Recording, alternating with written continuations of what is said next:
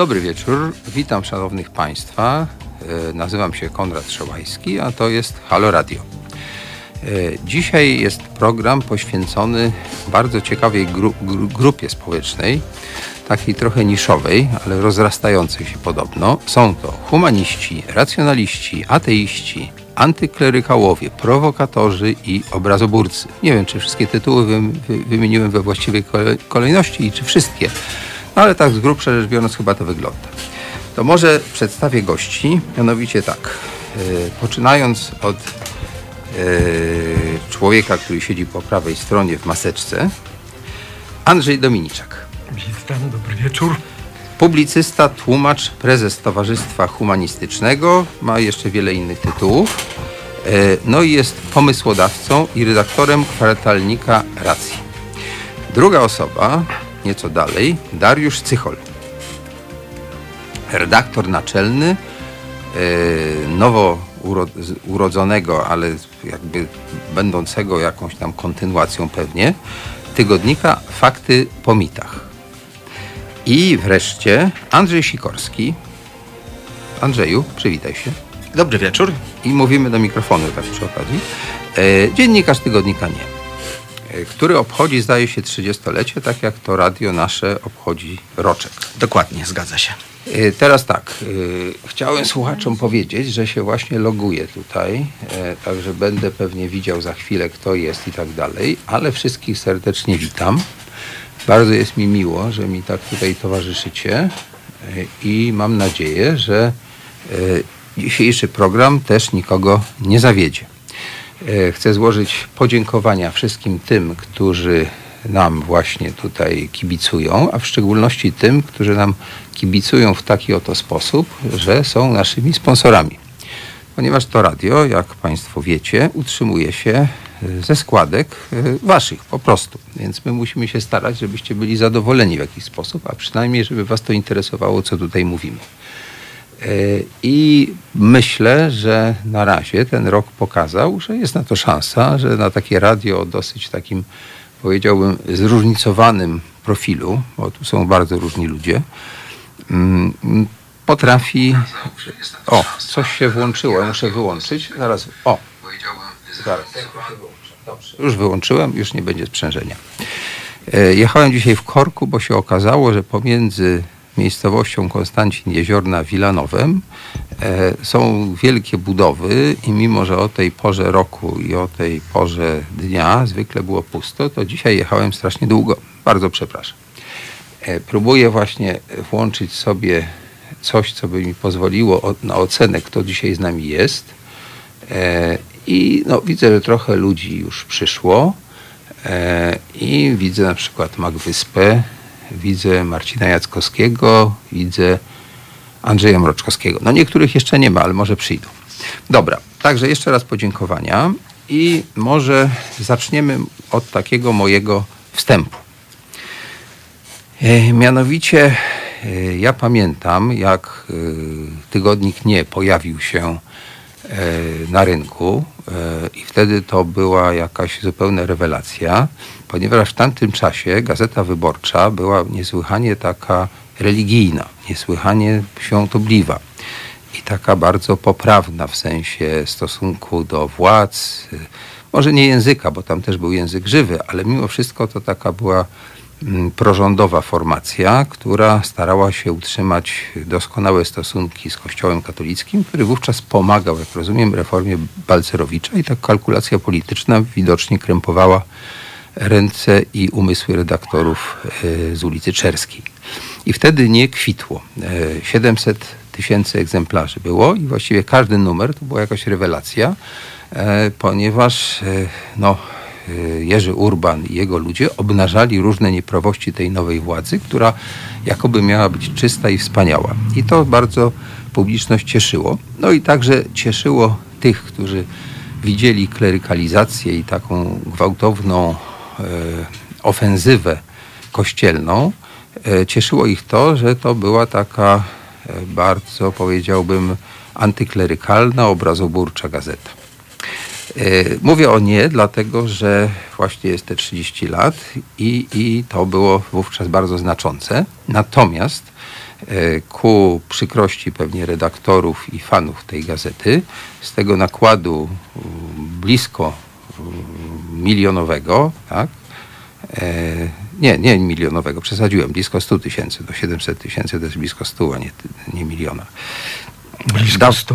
E, Blisko 100 tysięcy, nie, nie, właśnie blisko miliona, dobrze. No, bliżej 700 miliona w każdym Właśnie, razie. nie, nie, to ja no, byłem... uzupełnienie. Słuchajcie, nie, ja- nie mówmy o nakładzie 700 tysięcy, Sprzedaży. tylko sprzedaż rekordowa wynosiła 760. Czyli więcej drukowali jeszcze. Oczywiście. W tamtych czasach 10% zwrotów uznawało się za zwroty techniczne, czyli jeżeli powiedziałeś, że mówimy o nakładzie zbliżonym do miliona, wbrew pozorom nie Czyli pomyliłeś. Miałem rację. Ja, słuchajcie, ja byłem w klasie matematycznej, ale to było matematyczno-fizycznej, ale to było dawno temu i rzeczywiście ta jazda dzisiaj bez trzymanki na tej dwupasmówce, gdzie były same kłopoty, to trochę mi zakłóciła e, liczenie. Ale to było bliskie miliona rzeczywiście. I teraz tak. e, Dzisiaj to jest parędziesiąt tysięcy, tak? Że to w ogóle spadło dziesięciokrotnie.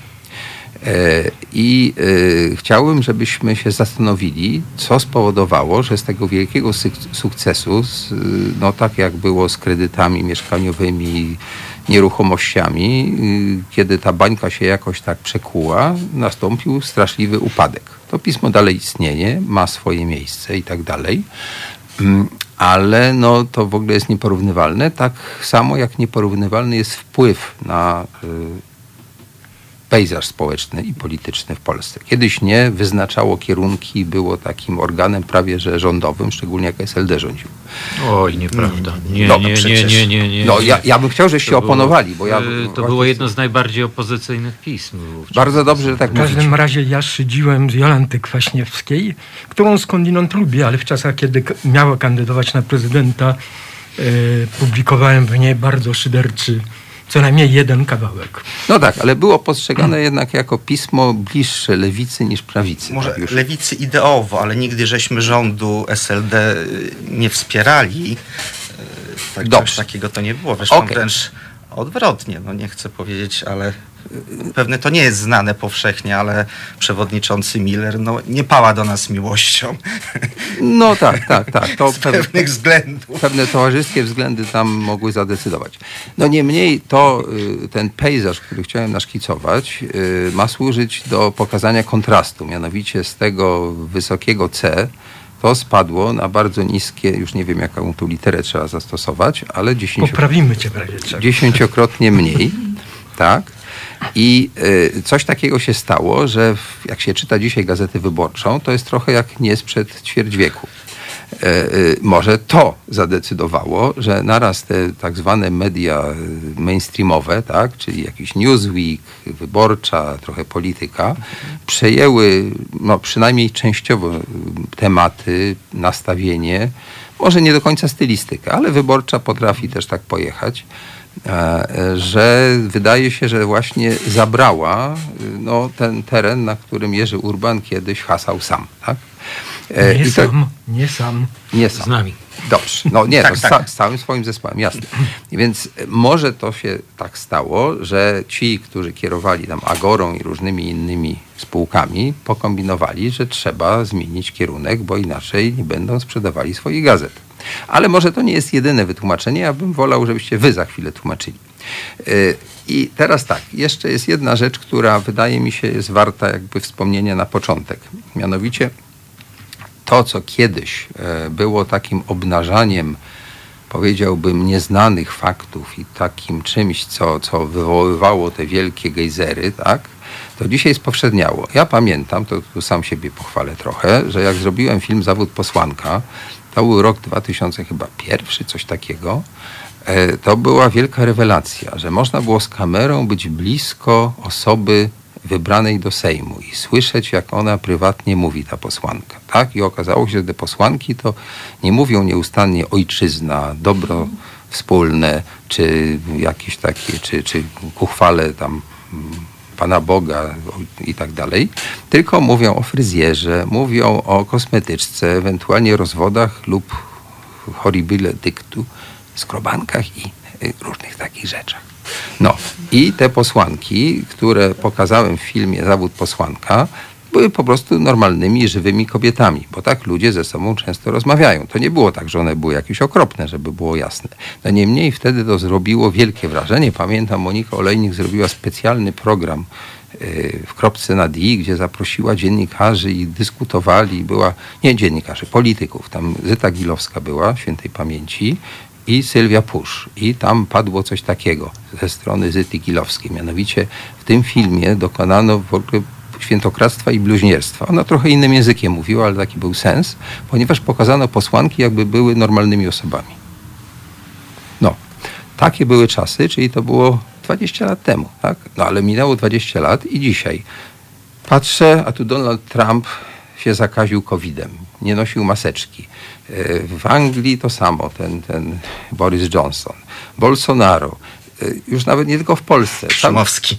Cały, Szumowski, tak, cały świat zwariował. W zasadzie jak ja czytam rano sobie, robię prasówkę i próbuję dowiedzieć się, co się dzieje w świecie i w Polsce, to właściwie nigdy nie wiem, co jest fake newsem, co jest wymyślone, co jest satyrycznym jakimś takim wyobrażonym faktem aż dziennika, a co tak naprawdę się stało, jak ten, ten instruktor narciarski tam handlował maseczkami, właśnie jak pan Szumowski się zaraził, a przedtem z tym milionerem tam pływał jakimś jachtem. No to w ogóle wszystko są jak, jakby pomysły z happeningów nie sprzed ćwierć wieku. W związku z tym e, może już nie ma miejsca na, na, na coś takiego po prostu, bo ten rodzaj satyry się jak gdyby zdegenerował, ponieważ rzeczywistość go przegoniła. No to tyle mojego nudnego, długiego wstępu. To teraz bym chciał, żebyście wy powiedzieli, co spowodowało, że tak się zmieniło i czy dla was jest jeszcze miejsce? Po prostu. Czy wy nie jesteście dinozaurami? Kto pierwszy? No może ja uważam, że to, co powiedziałeś po części, masz rację, tak? Jakby utraciliśmy wielu czytelników właśnie z jednego głów- głównego powodu, dlatego że inne media nagle się przełamały. Gazeta Wyborcza, Newsweek, e, telewizja, TVN, TVN24, no cały czas walą w ten kościół. Jak się nie włączy, no to e, Polsat przecież już żadne medium, oprócz oczywiście mediów rządowych, no nie ma oporu, żeby walić w kościół katolicki. I żadnych. I nawet, jak słusznie zauważyłeś, robi to świetnie Gazeta Wyborcza w sposób bardzo ostry, e, celny i, i, i bez żadnych zahamowań. E, To by było właśnie taki jeden z głównych czynników, a drugi uważam, że w ogóle generalnie czytelnictwo spadło i wszystkie gazety jakby no, straciły większość czytelników, a to ze względu na internet, tak, który jest coraz bardziej popularny, Y, a poza tym też ludziom nie chce się czytać. E, Bo wolą sobie tylko wejść do internetu i przeczytać jakiegoś newsa krótkiego, a co tam się e, kupować gazetę, iść do kiosku, otworzyć ją, a to jeszcze jest format nieporadny, ale jakiś.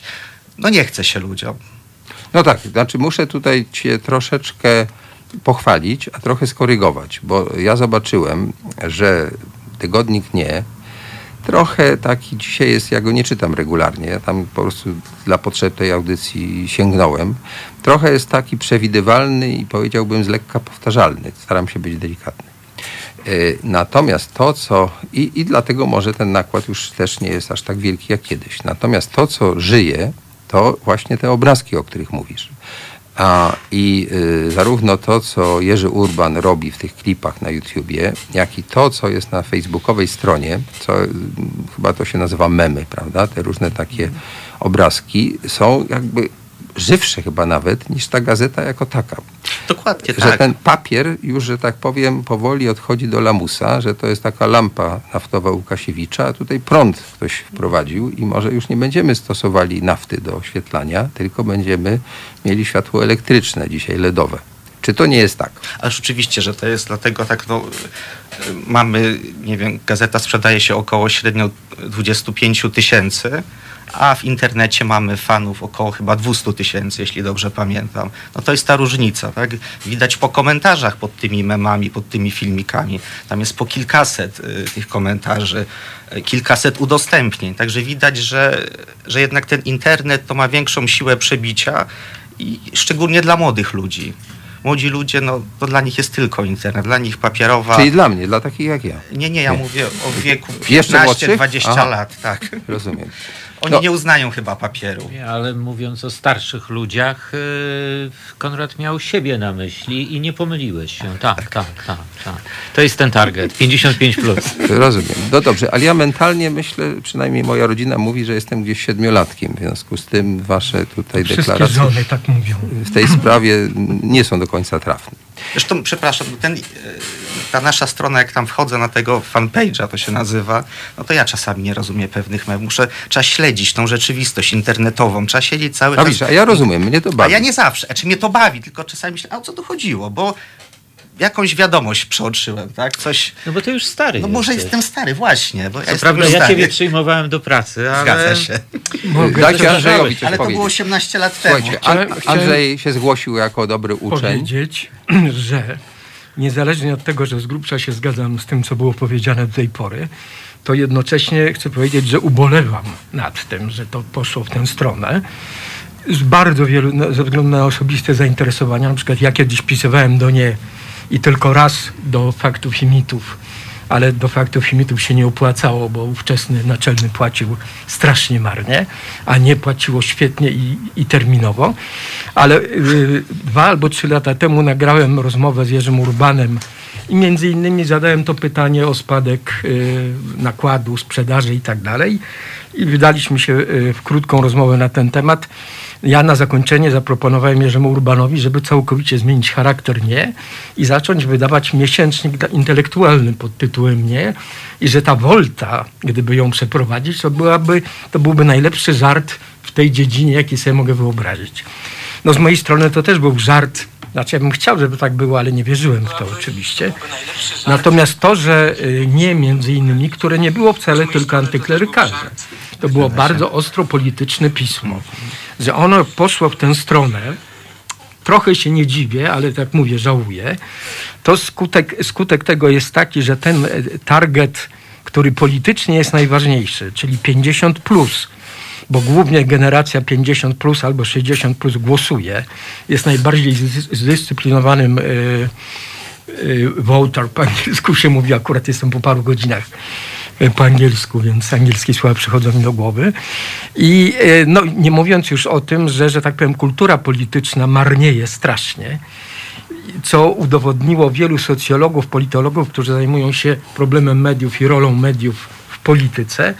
I na przykład fakt, że idzie w stronę obrazków, a nie w stronę tekstu, no, od- odchodzi się od tekstu, albo się publikuje coś, co jakoś tam symuluje tekst, a jest półobrazkiem, jakieś takie hasła i tak dalej, to powoduje, że na przykład całkowicie znika w polityce coś, co kiedyś się liczyło, czyli ideowość ponieważ udowodnił taki włoski socjolog Giovanni Sartori, że ludzie tracą zdolność do myślenia abstrakcyjnego, w tym do myślenia w kategoriach idei. Dlatego między innymi utworzyłem rok temu racje, e, które no, też może nie pasują do tych To jest czasów. promocja racji, tak na wszelki wypadek, No, od razu wszystkich tych wyjaśniam. tytułów to oczywiście. Ale to, ja nawet nie wiem, czy to jest promocja, bo przecież mówię same najgorsze rzeczy. My stawiamy na teksty, niektóre mają po 20 stron, a nawet są dłuższe, ale dzielimy je wtedy na kawałki i zależy nam na tym, żeby bronić kultury takiego dość intelektualnego albo przynajmniej inteligenckiego myślenia o polityce, społeczeństwie, kulturze i tak dalej. W dużej mierze jest to krytyka religii, ale nie tylko antyklerykalna, jak chy- chyba w obu pismach nadal, ale też ateistyczna.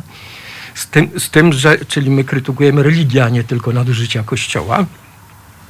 Tyle, że jest to ateizm, e, no, czasem on jest bardzo taki asertywny, ale jednocześnie też krytykujemy środowiska ateistyczne za to, że są na przykład e, nie, no, zbyt wąsko ten ateizm rozumieją tylko jako niewiarę w Boga, a nie jako odrzucenie całej tradycji religijnej, autorytarnej i tak dalej, której skutkiem jest fakt, że Polacy popierają tę władzę, czyli sojusz Kościoła z rządem i to wielu ateistów, ku mojemu wielkiemu zdumieniu, popiera PiS. A nawet liczba tych ateistów rośnie w przedziwnym, zdumiewającym tempie.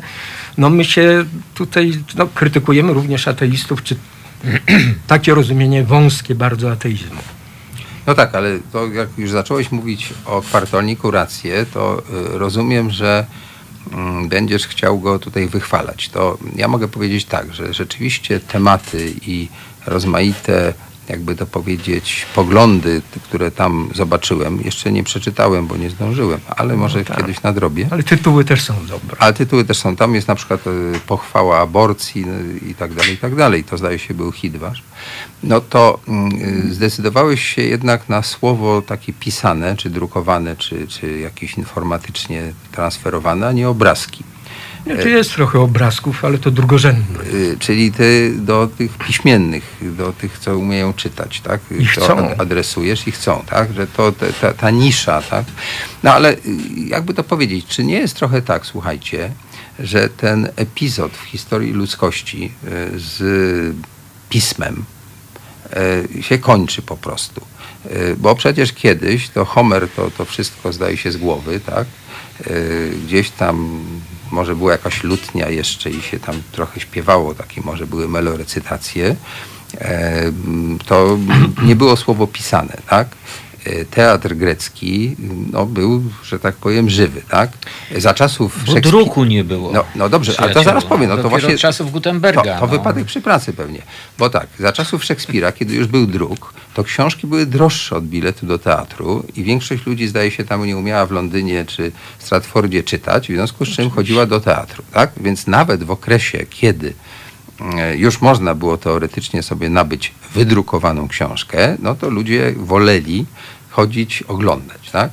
E, Potem w XIX wieku, kiedy Ale nie przesko- przeskoczyłeś XVIII wiek. A to jest najważniejszy wiek, ponieważ wtedy masowo ludzie nauczyli się czytać i pisać.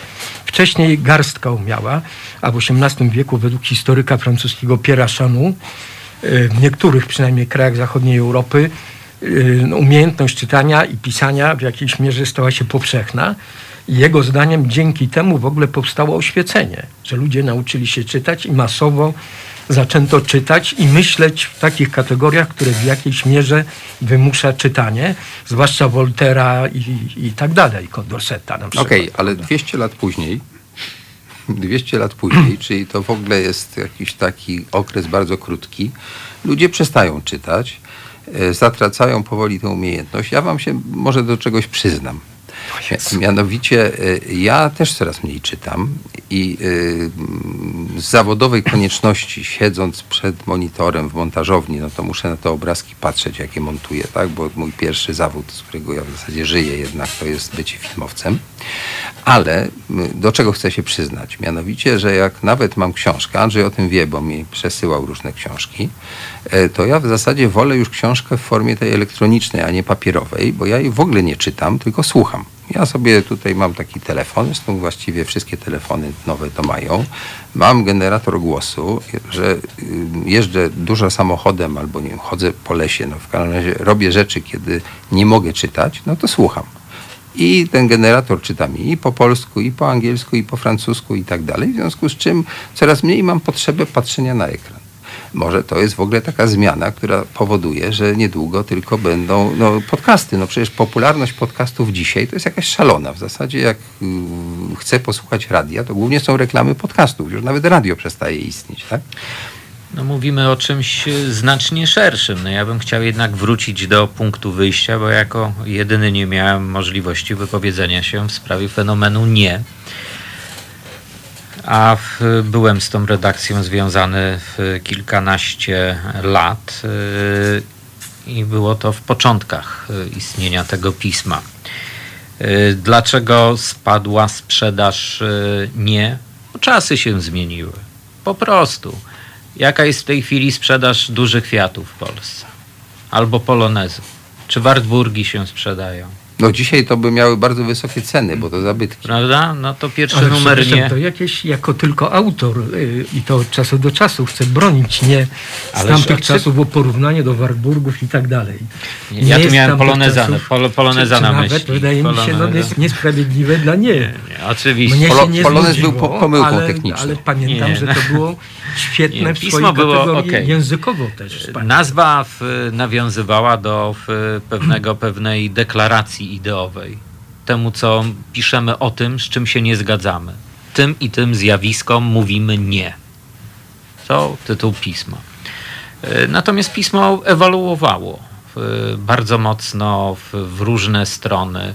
E, wcale nie tak, prawda, było, że klerykalizm był tym, co, zdom- co było w, w, dominujące w tym piśmie. Nic podobnego. Była to bardzo ważna jakby część tego pisma, natomiast nie jedyna. No, to była e, walka powiedzmy z głupotą, z zaprzaństwem nowych elit, które powstawały. E, to było No przegrana jak widać. No, Nie, ale tamte- przez pewien tam, tam, Tamte zostały pokonane. pokonane i w pewnym No ale te nowe się schytrzyły, do, tak? No tylko dlatego, że sprzedaż nie jest mniejsza. Także pismo w, y, sprzedaje, się, sprzedaje się w nakładzie wielokrotnie mniejszym, natomiast dorobek tego pisma jest przeogromny. Na pewno największa ilość y, afer ujawnionych y, przez dziennikarzy w Polsce to zasługa tygodnika Nie. I mimo, że w tej chwili dziennikarstwo śledcze w, w nie leży, to jestem pewien, że nikt przez wiele lat nie odbierze tygodnikowi nie pierwszeństwa w tym, co było. Tygodnik, jeżeli ja ci przerwę, przez pewien czas, czy e, stał się wyznacznikiem dla prawicy. To ty pisałeś o przekrętach w USI. To my byliśmy chyba pierwszą gazetą, kiedy zaczęliśmy pisać o przekrętach w USI. No Teraz tak. w USI to jest straszak, tak? W pisowskim. A to w USI układy No jakieś. takich rzeczy było, prawda, dużo więcej. Mnóstwo Przekręty, było, przekręty wtedy- wyborcze, martwe dusze, bezczeszczenie zwłok y, na cmentarzach, przeróżnych, no mnóstwo, mnóstwo, mnóstwo trendów, y, nieprawidłowości, które opisywaliśmy bardzo, bardzo szeroko. łopie przecież. W łopie, w- później w ABW, w, w nieprawidłowości związane z działalnością Ministerstwa Obrony Narodowej. Pisałem o tym ja, potem pałeczkę przy, przejął y, po mnie bardzo płynnie y, Andrzej Rozenek. Y, Także, także, także zasług było mnóstwo, no ale coś było, coś się kończy.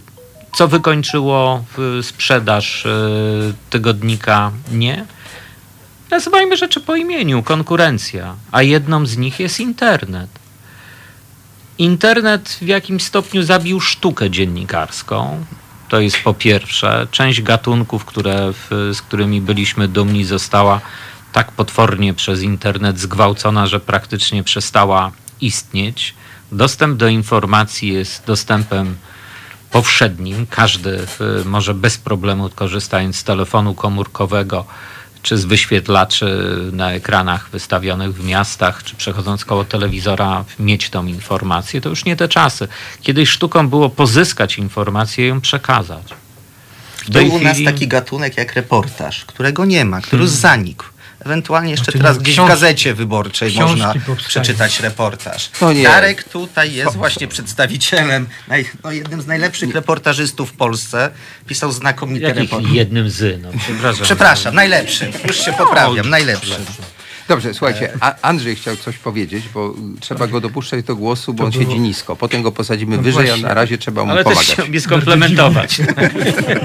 Nie, tak w którymś momencie mi przyszło do głowy, że mimo tej nostalgii, takiego ciepłego przez fakt, że minęło wiele lat w stosunku do nie, to e, mam jeden zarzut tylko, że sposób, w jaki nie uprawiało politykę już w takim wąskim sensie, no był trochę jakby zdradą samego siebie i to był, była jedna z przyczyn, dla których mi się odechciało pisać już 16 chyba lat temu. Mianowicie y, w 2004, jeśli się nie mylę, kiedy mieliśmy wstąpić do Unii Europejskiej, to w nie ukazał się jeden tekst, oczywiście y, to było tuż przed referendum w tej sprawie, w którym Jerzy Urban wezwał, no tak jak każdy, jak Gazeta Wyborcza i tak dalej. Jak papież też. Jak papież wezwał do tego, żeby pójść, e, wziąć udział w referendum. Już nie pamiętam, czy głosować na Unię, prawdopodobnie tak. W każdym razie iść na referendum. A ja napisałem do, też do tego nie, bo to były ostatnie moje chwile. e, Taki krótki tekścik, trochę felieton, a trochę na serio, w którym wzywałem do tego, żeby nie iść na referendum. A jeżeli już ktoś pójdzie, to żeby głosować na nie. Ale nie dlatego, że ja byłem aż taki przewrotny, czy jakiś paradoksalny, albo antyeuropejski, broń Boże. Tylko po prostu przewidziałem, ch- chcę się pochwalić, ale nie jako człowiek racji teraz, tylko jako dawny współpracownik, nie? Że ja przewidziałem, że jeżeli wstąpimy do Unii wtedy już, to potem już będzie tylko gorzej, ponieważ Unia była w stanie skutecznie wymusić dostosowanie polityki w danym kraju potencjalnie członkowskim, tylko tak długo, dokąd dany kraj nie wstąpił do Unii, a potem przez te przepisy traktatowe, które uniemożliwiają na przykład wyrzucenie e, danego kraju, no właściwie prawie nic nie może zrobić, czego no prawie na co dzień teraz doświadczamy. I to jest moja największa pretensja. Oczywiście trochę się śmieję, ale faktycznie Urban nie puścił tego tekstu ze względów politycznych. Znaczy ja też się poczułem jakoś dowartościowany, że gdyby ten mój tekst Ja się pamiętam ukazał, ten tekst. Tak? Tak? tak, ja go również recenzowałem i też byłem przeciw. No dlaczego? Był pokręcony, niezrozumiały, Ja. tylko ten napisany słabo, nie bardzo Nie, wiadomo, akurat bardzo dobrze był napisany. To, Z tego co pamiętam, to... no, tak. No teraz raczej mamy... Ale przepraszam. Y, Ja bym powiedział tak, że teraz raczej mamy szansę wyjść albo być wyrzuconym z Unii, więc być może ty... Ale to też nie, nie da tego, o co nam chodziło. Mnie chodziło o to, żebyśmy się musieli dostosować do cywilizacji Ja zachodnioeuropejskiej, a potem to już no, tam byłoby lepiej niż teraz w każdym razie. Dobrze, słuchajcie, to chwilę odpoczniemy, bo tutaj temperatura rośnie i dobrze, ale oszczędźmy nieco energii. E, Asia mi podsunęła tutaj informację, że za chwilę będzie nam grał Felicjan Andrzejczak. Będzie to utwór Noc komety. Słuchajcie powtórki programu.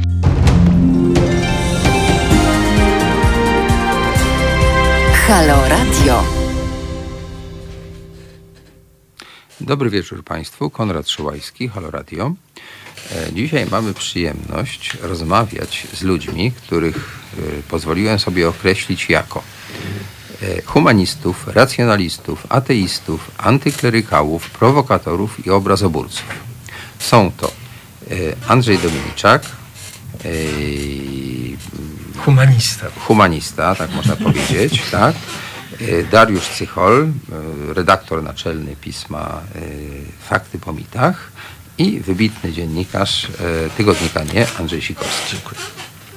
A co O. nas wszystko łączy, że pisaliśmy albo piszemy w tygodniku nie?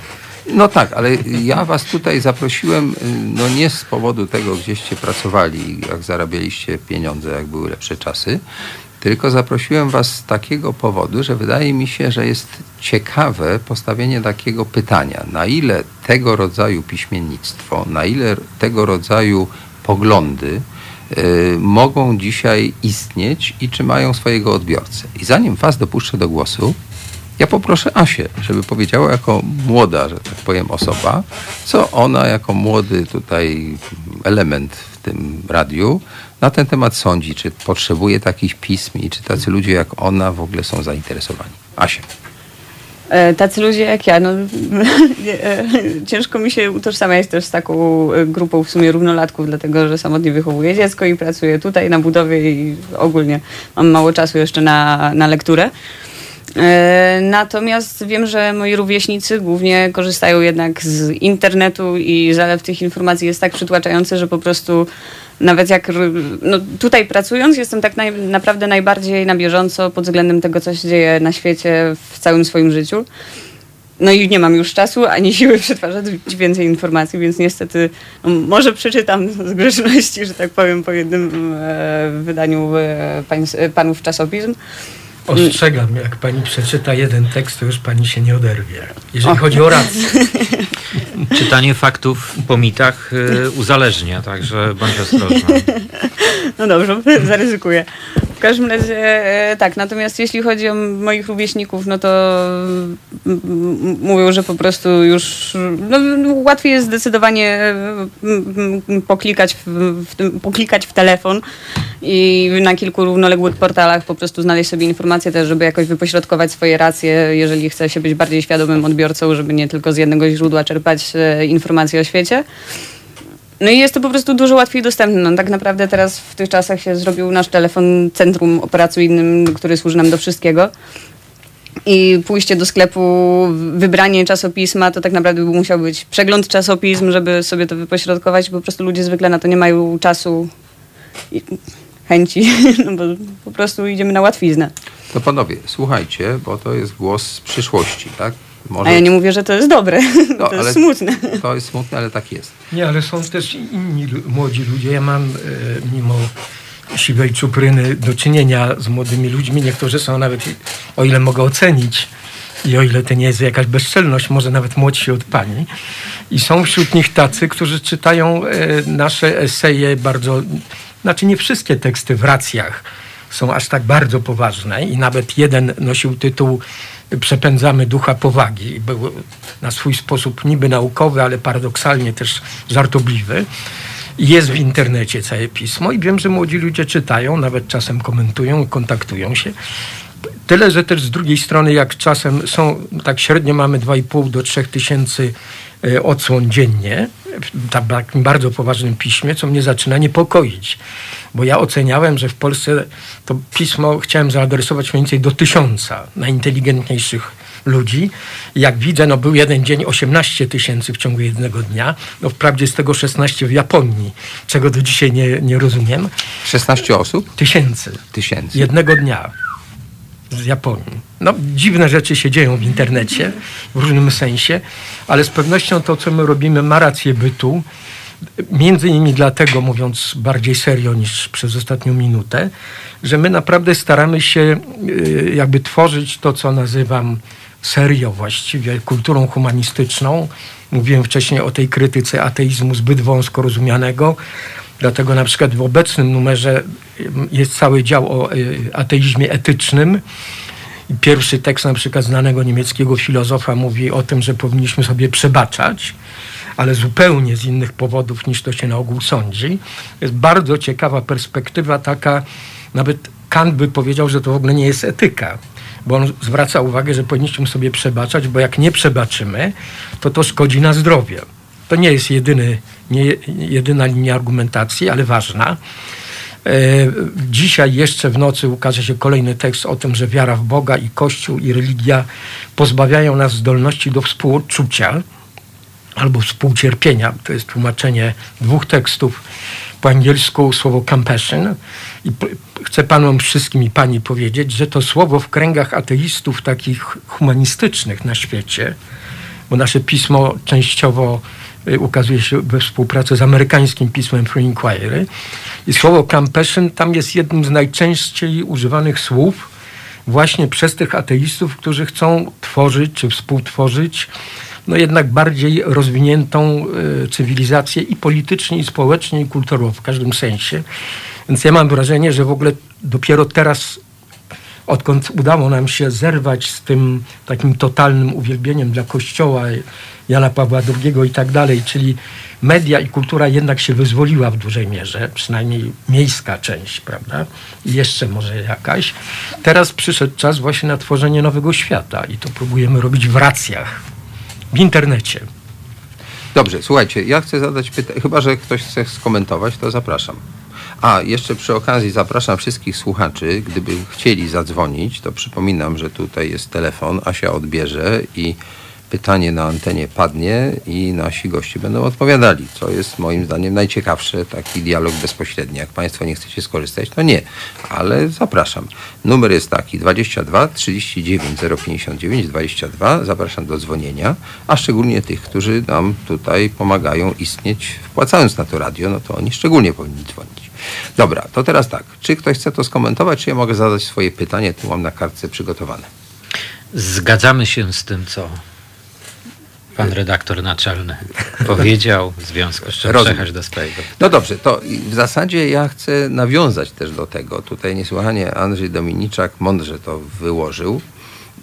Mianowicie, y, czy dzisiaj i jego zdanie w tej sprawie jest takie, że chyba tak, ale chciałem, żebyśmy o tym porozmawiali.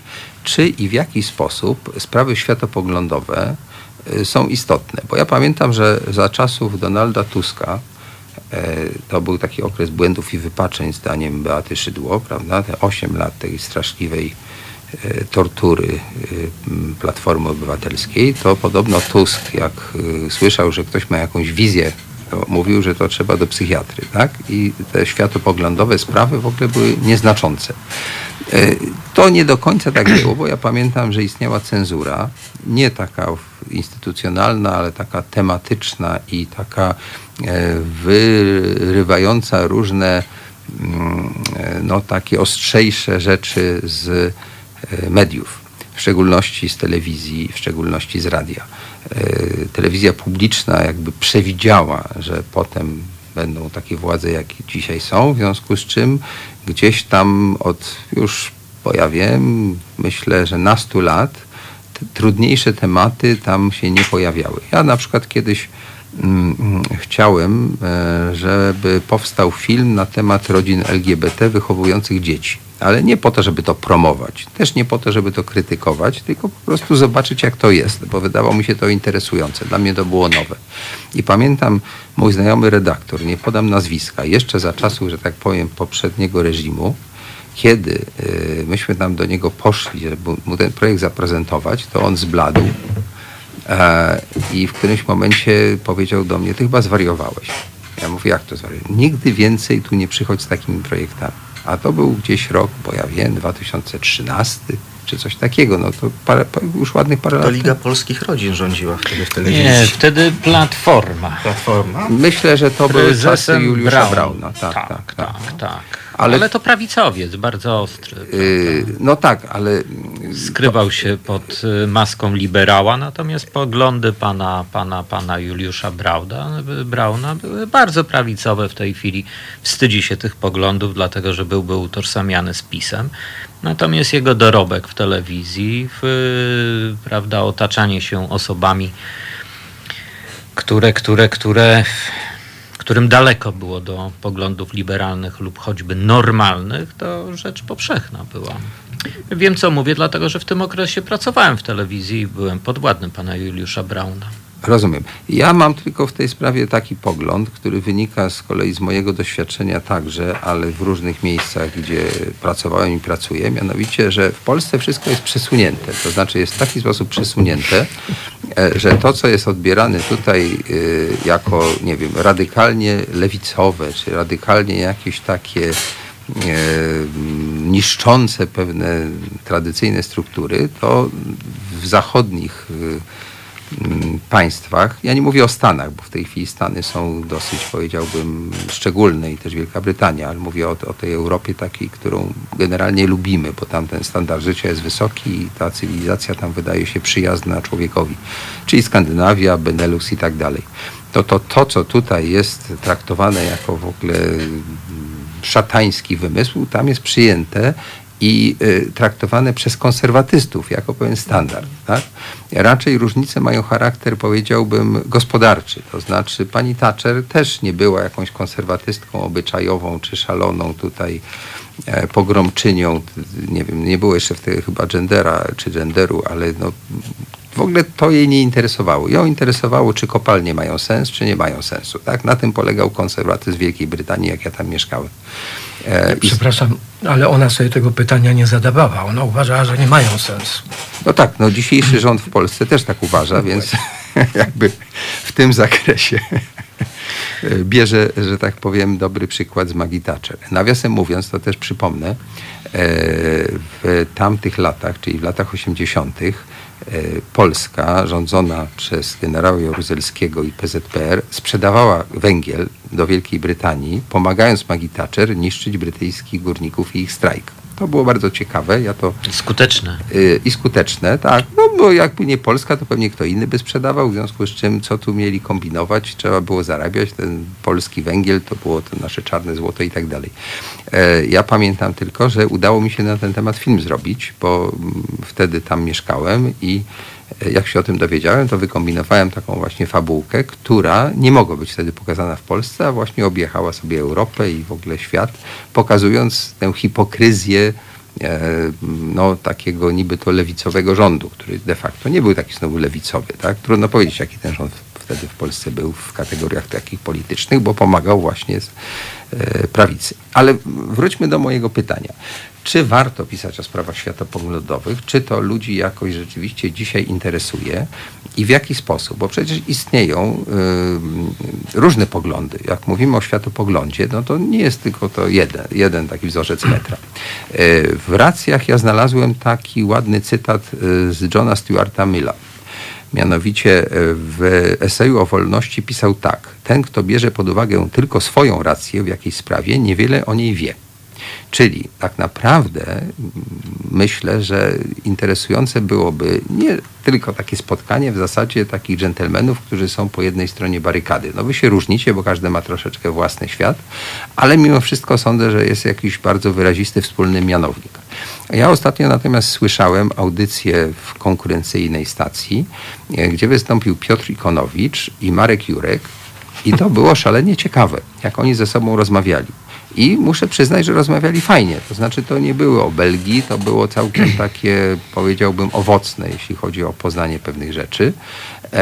E, mnie tutaj troszkę tego brakuje. Ale właśnie, powiedzcie, jak. Czego, czego brakuje? No takiej konfrontacji, no, żebyśmy wiedzieli. Zresztą ty sam to chyba napisałeś też w takim wstępniaku, że niektóre mm, poglądy czy, czy, czy pomysły zupełnie e, wydawałoby się niepasujące, czy wynikające z politycznej poprawności, czasem w ogóle mają sens, tak? Że trzeba y, oceniać nie tego, y, nie to, że ktoś to mówi, tak? I skąd przychodzi, tylko jaki jest ten fakt, jaki jest ten pogląd. Bo na przykład sprawa tych, tych norek i tej, tej ustawy, tak?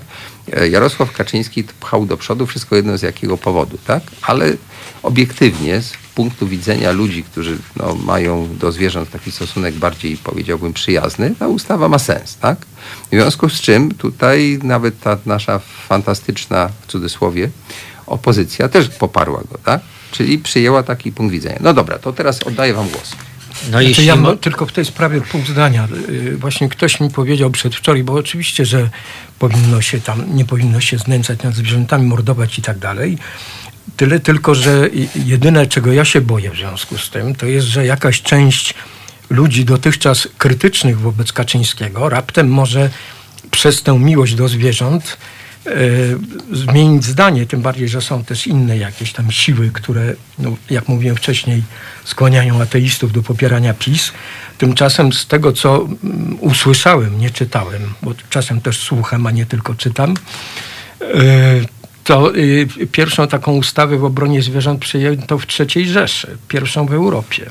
Także No, a radzę się, Hitler lubił te radzę się alzackie. za bardzo nie przejmować. Także tym, a przynajmniej chodowo. Tak, tak. Miał ulubioną chyba sukę Okej. blondi bodajże, tak? Coś Yy, takiego pamiętam. Nie pamiętam jej, ale miał.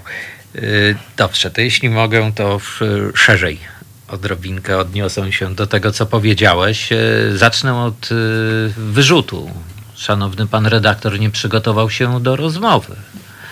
No ja dostałem od ciebie konspekt, ja no nie, nie, nie, konspekt w porządku. No, to, znaczy, że merytor- Zdradzam kulisy. merytorycznie trzymamy tą audycję, ale brakuje ci, w, brakuje ci konfrontacji poglądów. Bardzo proszę. Pozwólcie Państwo. Tygodnik Fakty i Mity. Numer, Fakty po mitach, przepraszam, odruch. Pierwszy numer. Kolumna 18. Stała rubryka. Jedno pytanie, komentarz. Kim jest ta piękna pani? Pani Joanna profesor Joanna Senyszyn. Kim jest ten pan obok tej pani? Janusz Korwin-Mikke. tak, Jesteśmy pismem dialogu. A w, zupełnie poważnie, czy y, warto w, mówić o sprawach światopoglądowych? To pismo, którym mam przyjemność kierować, y, powstało z marzenia o normalności. I tak naprawdę Czyli ten związek wszystko. Senyszyn z, z, z Korwinem Mikke, to jest ta normalność, tak? nie, nie twierdzę, że jest to normalne, ale normalny powinien być dialog. Aha. A tam Natomiast- jest jakaś taka relacja bliższa, czy lepiej nie pytać o to, bo to niezręczne? Wiem, że przed y, rozpoczęciem cyklu y, Państwo się spotkali. Y, Pan y, Korwin-Mikke zachowywał się podczas tego spotkania ponoć jak dżentelmen, a nawet, cytuję panią profesor, był szarmancki. O w ciągu dalszym nie słyszałem, ale, ale, ale układa im się współpraca. Y, Wracam do odpowiedzi. To pismo powstało w zmarzeniu o normalności. Czy jesteśmy pismem antyklerykalnym? Tak, ale w, byłoby przesadą twierdzenie, że walka z Kościołem jest naszym y, celem y, numer jeden. Nie, nic podobnego. Y, Chcecie zespół- założyć własny kościół, tak jak Kuroń uważał, że nie palić komitetów, to, tylko rozpatrywaliśmy budować to swoje. również, rozpatrywaliśmy to również, y, może nie tyle założenie własnego, co zostania kapłanami jednego z siedmiu kościołów światowych. Ale powiedzmy, że to na razie nie jest jeszcze na tym etapie, abyśmy mogli, powinniśmy o tym szerzej mówić. Natomiast pismo jest stworzone przez zespół około 80 osób.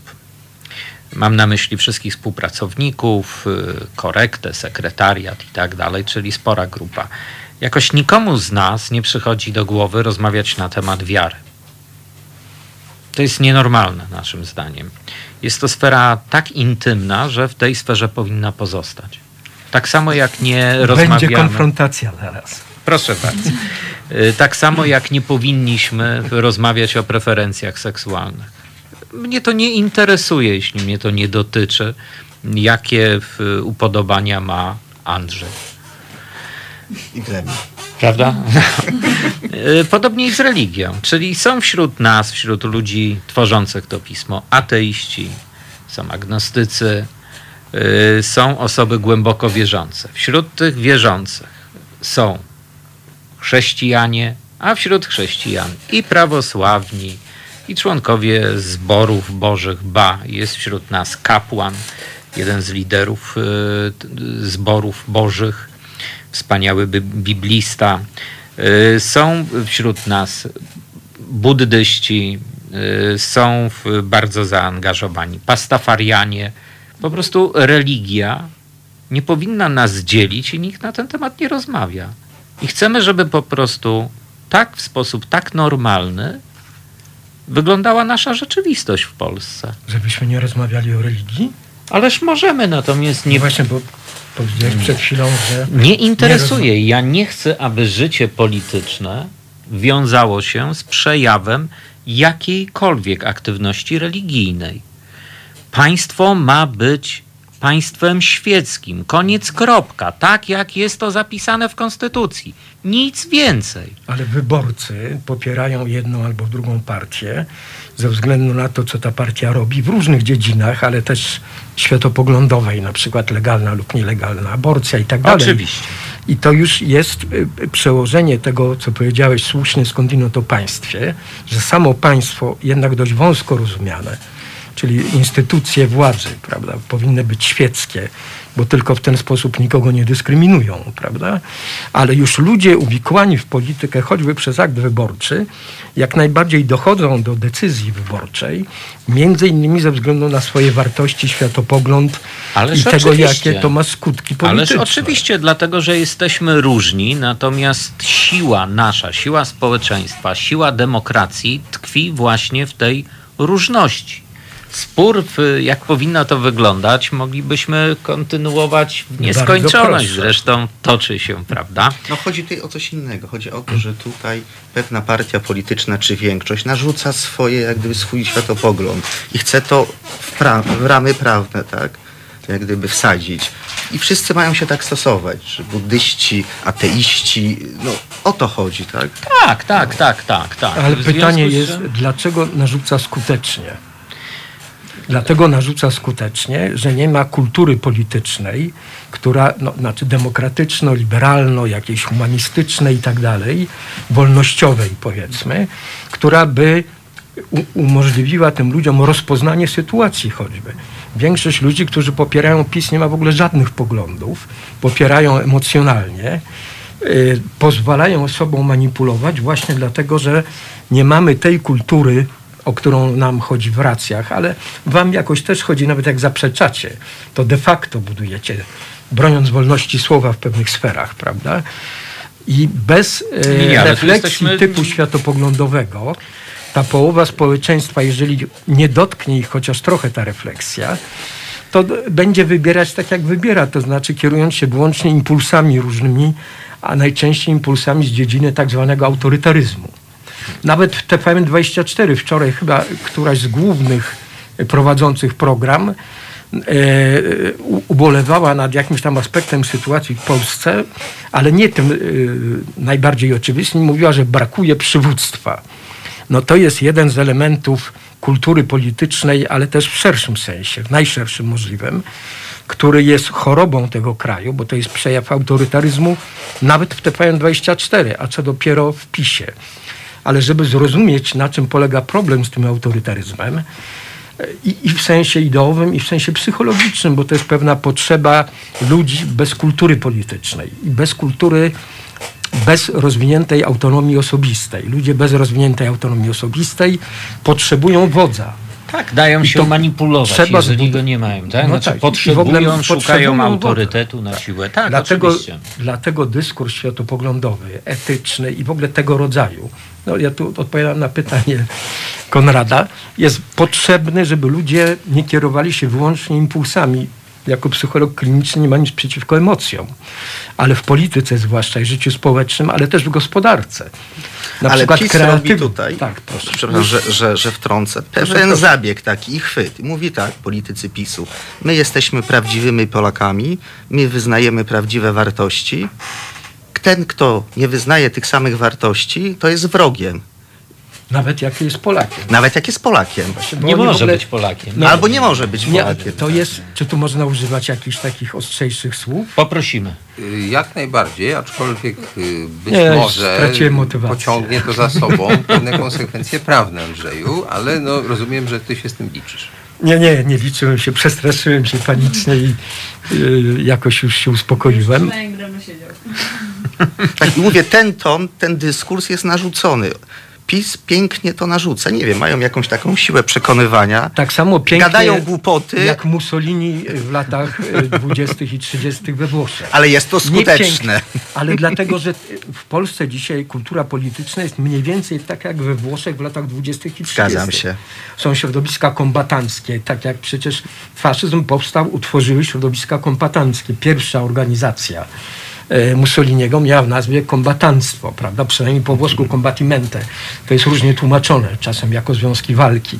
Ale to jest ta kultura plus brak, brak kultury demokratycznej, liberalno-demokratycznej, który sprawił, że takie wodzowskie typowo nie tylko nie, zachowania nie tylko samego Mussoliniego, bo on był de facto popierany przez całą armię, która mogła zatrzymać marsz na Rzym, a świadomie tego nie zrobiła.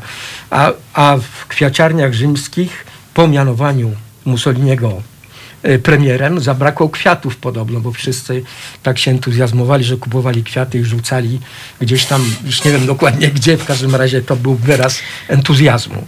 I w Polsce niestety nie jest aż, aż Ale tak przepraszam, źle, kończąc ale ten prawie. wątek, dodajmy, że właśnie tej popularności i temu faszyście współczesna, współczesny świat zawdzięcza, w cudzysłowie zawdzięcza, restaurację państwa Watykan. Tak?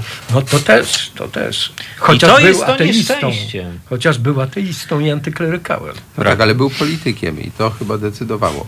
Słuchajcie, to teraz tak, ja wam chcę przeczytać dwie wypowiedzi. Jedna y, to jest szacunek dla Andrzeja Dominiczaka, że jest w maseczce. Y, Ja też to popieram, aczkolwiek mam takie poczucie, że jest taki bałagan w zakresie tego naszego BHP. e, y, Powodem, sądzę, jest y, jakiś brak koordynacji władz, które nigdy nie są w stanie określić, jakiego rodzaju środki bezpieczeństwa powinny być rozsądnie stosowane. Co więcej, nawet y, słyszałem w takiej audycji, gdzie politycy się wypowiadali, y, chyba wicemarszałek Sejmu bredził, mianowicie on mówił, To że on bardzo. nie, nie stosuje maseczki mm, z tego powodu, że on się nie boi. Otóż maseczka nie służy do tego, żeby ochronić tego, który ją nosi, tylko, tylko ochronić innych, ewentualnie przed e, tym, że osobnik e, właśnie, który założył maseczkę, dzięki temu, że mają, nie rozniesie wirusa, jeśli jest jego nosicielem. I to nie jest ochrona e, tej osoby, która nosi maseczkę, tylko szacunek dla innych. Plus Ja- mikrofonu. no, mikrofony, Który tak. potem My tu mamy odka- odkażane te mikrofony i tak dalej. Y, Ja przyznam się szczerze, że ja zwykle noszę nawet nie maseczkę, tylko taką przyłbicę, natomiast tutaj jest stosunkowo trudno. Próbowałem z tym występować i te testy wykazały, że moja dykcja się na tyle psuje, że, że właś- właściwie nie mogę tego robić. Musiałbym z powrotem robić to z domu. E, Także bardzo przepraszam, że nie okazuję tego szacunku, który nam okazuje Andrzej Dominiczak. Ale generalnie mm, uważam, że jest fatalnie, że my nie wiemy, co powinniśmy robić, poza tym, że mamy myć ręce, twarze jak najczęściej i nosić te maseczki i, i, i to jest jakiś idiotyzm. Ale z drugiej Modlić się. E, Z drugiej strony, y, jak ja słucham, a dużo słucham brytyjskiego radia, to ilość narzekań i ilość kontrowersji i niejasności, które mają Brytyjczycy, jest trochę podobna. I gdyby to nie było z Londynu, to bym myślał, że to są narzekania na obecny rząd PiS. Ja nie bronię PiSu, tylko chodzi mi o to, że... Chodzi mi o to, e, że generalnie jest taka bezradność wszystkich władz na czele tutaj z, jednak z najważniejszym chyba przywódcą światowym, Trumpem, prawda? Który po prostu pajacuje, no a teraz widać, że ten pajac dostał po nosie i być może w ogóle przez to przegra wybory, no co... Albo wygra. Albo wygra. Albo wygra, tak, tak. Nawiasem, Przez to, przez to. nawiasem mówiąc, ja kiedyś napisałem taki felieton, bo czasem mnie coś podkusi, pod tytułem Wirus z nieba, e, sugerujący, że to w ogóle było fantastyczne, że obecny prezydent, pan Andrzej Duda, gdyby zachorował, to by naród płakał i by go wybrał, że to właściwie byłoby dla niego bardzo dobre. No ja to tak dowcipniej ująłem. To poszło w Gazecie Wyborczej, która po paru godzinach ze strachu to zdjęła ponieważ tyle było straszliwego takiego hejtu, a to nie było na poważnie. Ja po prostu pokazywałem, że tutaj jest takie zamieszanie i generalnie rzecz biorąc mamy skłonność do współczucia. I nie wiem, czy Amerykanie też taką mają. W Polsce taki heroizm, czy takie cierpiętnictwo jest w cenie. Ale teraz druga sprawa, to chcę na chwilkę wrócić do tego, co powiedział Andrzej Cychol, bo tu jeden ze słuchaczy powiedział, a dlaczego nie rozmawiać o preferencjach seksualnych? Rozmawiać. Wszystko, co ludzkie, e, zasługuje na rozmowy i pogłębione analizy. Nic z tym złego. I można je również e, etycznie oceniać, tym bardziej religię. Co ty na to powiesz, Andrzeju? Andrzeju. Andrzeju? E, da, da, przepraszam. Szymonie nie ma sprawy. Yy, nic, no, to znaczy ktoś e, ze słuchaczy bardzo literalnie podszedł do tego, co powiedziałem. Ja nie mam nic przeciwko rozmowom na temat wiary. Nie mam nic przeciwko rozmowom y, na temat y, seksualności czy też samego seksu, tylko twierdzę, że jest to sfera naprawdę bardzo osobista, indywidualna człowieka. W związku z czym, jeżeli zdarza mi się być na różnych dziwnych y, spotkaniach, ktoś podchodzi do mnie i mówi: Dzień dobry, panie redaktorze, jestem ateistą, moje nazwisko. Ja nie traktuję tego no, jako coś normalnego, no bo równie dobrze mógłby ktoś przyjść do mnie i powiedzieć, jestem lesbijką. No przepraszam, nie interesuje mnie to. Ma ktoś problem, chce ze mną porozmawiać, chce, chce o coś zapytać, okej. Nie unikam tematów, mogę na wszelkie rozmawiać, jestem bardzo tolerancyjny, bardzo otwarty, ale w, obcowanie lub nieobcowanie ze światem wyższym jest mi naprawdę obce, albowiem nie dostąpiłem zaszczytu dotknięcia aktą łaski. Może ja dodam słówko do tego. Nie chcę tak ogólnie mówić, że oczywiście trzeba rozmawiać o wszystkim. Przy czym nie mam na myśli koniecznie rozmawiania o tym, czy jakaś konkretna osoba jest takiej czy innej orientacji, no bo to rzeczywiście na ogół ma, jest prywatne i to w ogóle mi w każdym razie nie o to chodzi. Ale jak rozmawiamy o wierze i pokrewnych stanach umysłowych czy stanach ducha, jak kto chce, i rozmawiamy w sposób otwarty i względnie wyrafinowany, to bardzo ciekawe wnioski są możliwe. I to nie mówię tego tak w oderwaniu od własnych doświadczeń rzeczywistości, ale w bezpośrednim związku z badaniem na ten temat, który prowadziłem parę lat temu. Y, Były to takie pogłębione wywiady z osobami bez wyższego wykształcenia w nawiązaniu do takiej głośnej kiedyś książki Wiara Oświeconych Wyswickiego jeszcze sprzed wojny. Bo ciekaw byłem, w co właściwie wierzą mieszkańcy takiego małego miasteczka mazowieckiego, właśnie nie bardzo wykształceni, góra matura, że do Rymu coś powiem. No i tak y, y, chciałem pytać o to, czy wierzysz w piekło, czy wierzysz w życie pozagrobowe i tak dalej. Zaczęło się dość banalnie, ale dość szybko się okazało, że te osoby, no dzięki temu, że to byli jacyś tam znajomi, więc to nie była grupa poprawnie skonstruowana do badania, ale to był pilotaż, nazwijmy to. Dość szybko się okazało, że ci ludzie, mimo tego, że praktykują na co dzień, a do tego stopnia, że nawet biorą udział w lokalnych mozewieckich pielgrzymkach, właściwie prawie w nic nie wierzą albo w nic nie wierzą. Moja konkluzja z tego badania była taka, że w Polsce nawet w kręgu ludzi praktykujących regularnie, ludzie w ogóle w nic nie wierzą, tylko mają nadzieję. Mają nadzieję. I to nie w sensie takim e, teologicznym. E, tutaj mówię, nawiązuje do tych cnót teologicznych świętego Pawła, prawda, wiara, nadzieja, miłość, tylko w sensie czysto psychologicznym. Ja to robiłem jako psycholog, którym też jestem. Po prostu okazuje się, że w Polsce właściwie nie ma ludzi wierzących poza, nie wiem, 10% słuchaczy Radia Maria, czy nawet to jest mniej chyba niż 10%.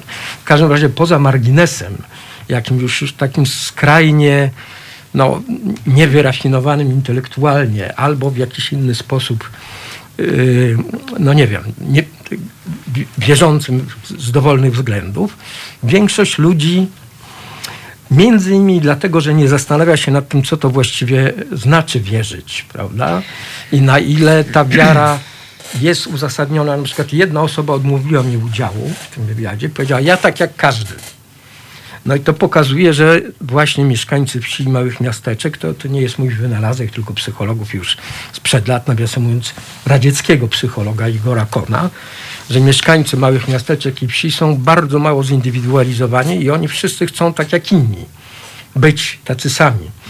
No ale dokąd właśnie wszyscy będziemy tacy sami, dotąd nie wyzwolimy się, nie zbudujemy własnej auto, nie będziemy chcieli być sobą. I nie uwolnimy się na przykład od religii, która zarządza właśnie całymi społecznościami albo rodzinami. Więc tylko dzięki rozmowom, na przykład z profesorem Obirkiem wierzącym, z którym odbywam dość regularnie rozmowy, również o wierze, ale o różnych rzeczach. Y, no, bez tych rozmów w planie takim społecznym, właśnie w podcastach bardzo dużo się dzieje w tej sferze.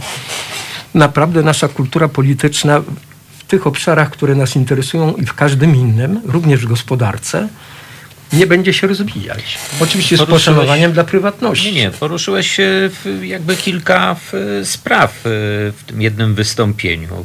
Najważniejsza z nich to świadomość wiary. Ja tak jak powiedziałem, i to nie była ironia, nie doznałem aktu łaski, czyli, czyli, czyli, czyli nie jestem osobą wierzącą i ubolewam nad tym. Strasznie. Naprawdę. No ja bym chciał, no po prostu chciałbym mieć świadomość, że pójdę do spowiedzi i wychodzę czysty. Że potrzebuję czegoś i z głęboką wiarą zaczynam się modlić i naprawdę nabieram sił, kurczę, żeby, żeby, żeby, żeby popchnąć sprzedaż gazety do przodu, prawda? Y, no, niech cholery, nie udaje mi się to. Wiara no, to za mało. Wiara to za mało, rynek A jest wraca, silniejszy. Wracając do, do uwagi z radiosłuchacza, e, który wspomniał o tym, czy mówimy, czy należy mówić i pisać tak o seksualności. Zadzwonił człowiek z jakiejś małej miejscowości z Podkarpacia. Panie redaktorze, przyjeżdżajcie, jest afera. Jaka jest ta afera? No ksiądz ma kochankę. Chodzi z nią pod rękę Co po w tym wsi. złego? Właśnie, i ma dwójkę dzieci. Pytam się, ale co w tym złego? No kupił mieszkanie jej i dzieciom No to dba kupił. o rodzinę, Mówię, no. dba, to nie jest temat dla nas. No oczywiście, Człowiek że był nie tak jest. oburzony. To jest bardzo dobry ksiądz. To takiego księdza to trzeba Ale oczywiście się to modlić. jest normalne, uprawia życie seksualne z Ale jedną porządny partnerką. jest. No tak, dba o rodzinę. Sugeruje, że jak jest więcej partnerek, to nie jest normalne. Nie, no ale no po prostu zdrada, nie zdrada, no to, to, to są jakieś No, ale są takie... poliamoria i tak dalej. Ja tutaj Nie, no planuję można. Ja taki bym tylko program wrócił na ten jeszcze na temat. sekundę do y, wypowiedzi Andrzeja, jeśli pozwolicie panowie. Y, Doszliśmy w pewnym momencie mm, do, czy też doszedłeś do y, stwierdzeń, które mogą sugerować, nie powiedziałeś tego wprost, ale w to, że wiara większości Polaków jest wiarą bardzo, bardzo prymitywną, Znaczy, czyli de jej nie- facto jej jej, nie ma. czyli de facto jej nie ma. Ja potwornie zazdroszczę, już mówiłem, ludziom wierzącym i w strasznie mocno szanuję ludzi wierzących pod jednym warunkiem, że jest to wiara świadoma, że potrafią mi coś na temat swojej religii powiedzieć. Natomiast pewien jestem i nie traktujcie tego Państwo, drodzy słuchacze, ani Państwo, jako kpinę, ale pewien jestem, że gdyby wśród pielgrzymów na Jasną Górę przeprowadzić ankietę, jakiej narodowości była Matka Boska, znaczy w, jakiej narodowości była Matka Boska, no to 30% odpowiedziałaby, że Polka. Dlatego, że Chrystus no, jest uważany za Polaka. Nie wiadomo, co on tam robił w tej ziemi świętej, gdzieś w Palestynie, ale jest królem Polski, a jego matka przecież jest Częstochowy, tak? No, Stefan Batory był Węgrem, a był polskim królem. E, Jagiełło też. No prawda? właśnie. Nie Węgrem, tylko Litwinem. nie bądźmy Nie, nacjonalistami. ale w porządku. Zmierzam do tego, że świadomość nasza religijna jest zerowa. Zerowa, zerowa. W związku z czym o jakiej dojrzałej wierze możemy mówić? Słuchajcie, to ja opowiem wam anegdotę. Teraz Bardzo ja pozwolę sobie też coś powiedzieć. No, tu siedzę i tak słucham, słucham, a może No czasem... wiedziałeś, kogo zapraszasz. No wiem, gaduły, ale ja też czasem lubię, prawda? No dlatego może tutaj przychodzę. Słuchajcie, więc tak, ja mam przyjaciela, mm, który wyjechał y, do Francji, no już dawno, dawno temu. To jeszcze były czasy, że tak powiem, trudne w tym sensie, że złotówka była no, niewymienialna zupełnie i te nasze pieniądze nie były tam nic warte. I ja pojechałem Nic do... się nie zmieniło. E, No nie, teraz jednak jak tam jeździmy, no to kosztuje to w różnych krajach czasem trochę więcej, na, na przykład w Paryżu, ale w Portugalii na przykład jest taniej niż w Polsce. E, lubię jeździć na Maderę na przykład, bo tam jest stosunkowo tanio i fajnie. Natomiast w Paryżu rzeczywiście jest drogo. Ja wtedy właśnie pomieszkiwałem przez jakiś czas w Paryżu i ten mój kolega został kościelnym. Został kościelnym w kościele takim niedaleko y, łupu triumfalnego. We Francji mało kto chodzi do kościoła. Kościoły są raczej puste, ale bardzo zadbane, ładne. Mm, I dysponował ten mój kolega talonami na bagietki. I y, rozdawał, znaczy rozdawał, no, jak przychodził ktoś potrzebujący, na przykład ja właśnie, to dostawał i tam przychodzili kloszardzi, dostawali te talony i potem szło się do najbliższej boulangerie i tam można było dostać bagietkę. E, No Który to, to był rok? to były lata późne 70., początek 80. jakoś Niech zgadnę, zaczęliście handlować bagietkami. no więc ja wpadłem na szalony pomysł, mianowicie zobaczymy, że tam, są- że tam są ciastka. I ciastko kosztuje dwa czy trzy razy tyle, co bagietka. Ja usiłowałem zamienić trzy bagietki na ciastko i ten, ten piekarz się zorientował niestety. E, Ale puentą tej historii jest to, że mój kolega był religijnie kompletnie indyferentny.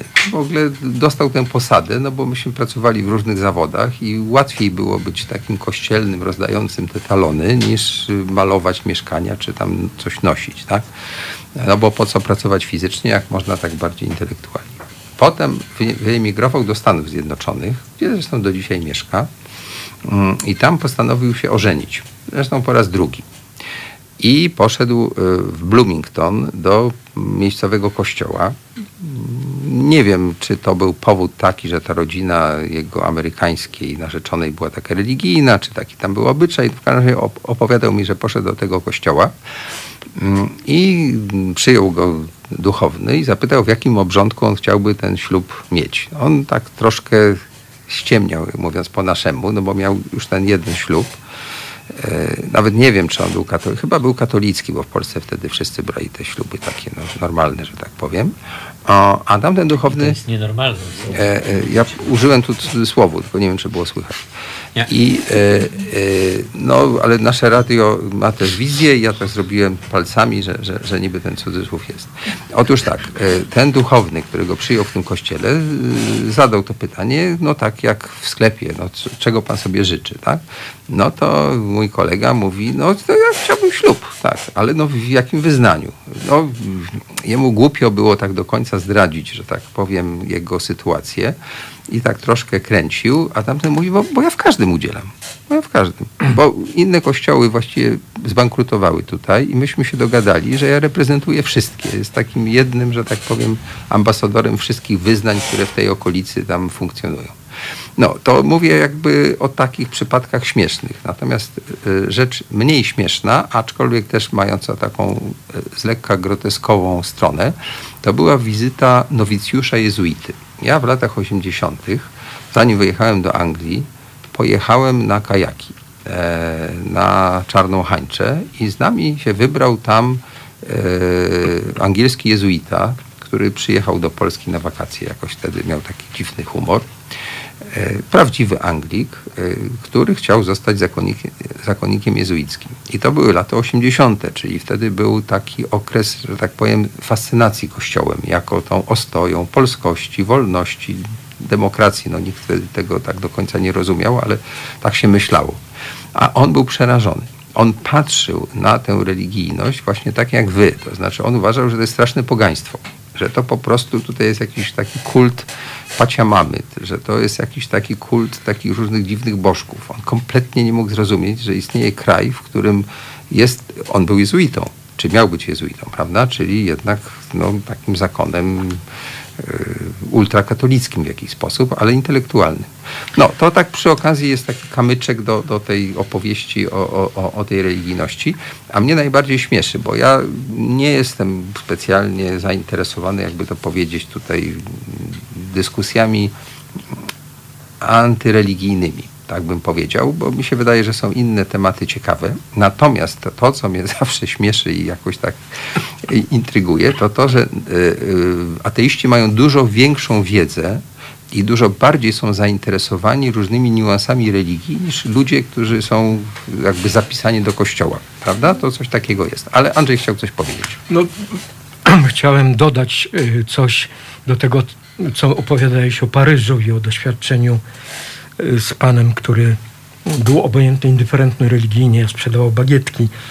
Bo to mi przypomniało jedną z takich, ja że tak powiem, line of thought, czyli sposobów myślenia, myślenia o tym, co się dzieje z religią y, w zachodniej Europie głównie, ale w Stanach w jakiejś mierze też, że to bardzo ciekawe zjawisko, o którym w Polsce rzadko kto wie, że tam sekularyzacja postępuje oczywiście i polega nie tylko na tym, że ludzie całkowicie odchodzą od kościołów, albo że kościoły podporządkowują się demokratycznym prawom, tak jak powinny, czyli de facto funkcjonuje państwo świeckie, takie albo inne odmiany, ale dzieje się, sekularyzacja następuje i postępuje też w samych kościołach, w środku. Do tego stopnia, że właściwie w niektórych kościołach, w niektórych krajach, niewierzący wśród funkcjonariuszy lokalnych kościołów. Na przykład w Danii jest taki kościół, który po angielsku się określa słowem national, albo państwowy, albo narodowy, protestancki, w którym z badań wynika humanistów duńskich, że 40% tych pastorów to są ludzie zupełnie niewierzący a wśród osób, ale oni są jawnie niewierzący. To znaczy nie ma tej hipokryzji, bo u nas raczej się nie przyznają publicznie do tego. Ale ich czyny świadczą o tym, że nie Ale to jednak, jest, to jednak jest przemiana kulturowa. Nie w każdym kraju jest równie dobrze, bo na przykład rozmawiałem sam z byłym księdzem katolickim niemieckim w Hamburgu dwa lata temu i on ubolewał nad tym, że wyrzucono go z kościoła, usunięto, pozbawiono go e, kapłaństwa, dlatego że podczas mszy twierdził, że Bóg nie istnieje. I no, w Polsce na ogół sądzimy, że jak ksiądz mówi, że Bóg nie istnieje, no to jest dobry powód, żeby go usunąć ze stanu kapłańskiego. A on miał o to duże pretensje do episkopatu i podawał przykład innego księdza z Holandii, który też od dawna, od iluś lat publicznie podczas mszy mówi, że Bóg nie istnieje, no przy różnych okazjach nie powtarza tego w kółko. I episkopat holenderski nad tym obradował, co zrobić z tym fantem i nie wyrzucono go z kościoła. Uznano, że to jest ciekawe stanowisko. Ja też uważam, że to jest ciekawe stanowisko, jak na księdza katolickiego zwłaszcza. Mówię o tym e, przy to znaczy, okazji... Jest to nie stanowisko, tylko cecha. Szczerość jest ciekawa. To ma różne aspekty. To jest cecha no, tego prawda. człowieka, że on chce to mówić, prawda, z jakichś tam swoich powodów, ale też stanowisko, no jeśli rozważać tylko treść wypowiedzi, no to jest to jakieś stanowisko. Mówię o tym y, między innymi po to, żeby ci ateiści, którzy nie czytają racji, jak do tego wieczoru przynajmniej, dowiedzieli się o, o tym zjawisku, o którym teraz mówię, bo to pokazuje, że warto pracować. Ja nie mówię, że koniecznie chodzi o pozbawianie wiary. Zresztą na ten temat też obraduję z ludźmi wiary. Czy powinniśmy pozbawiać nadziei albo wiary, czy też etycznie jest to problematyczne.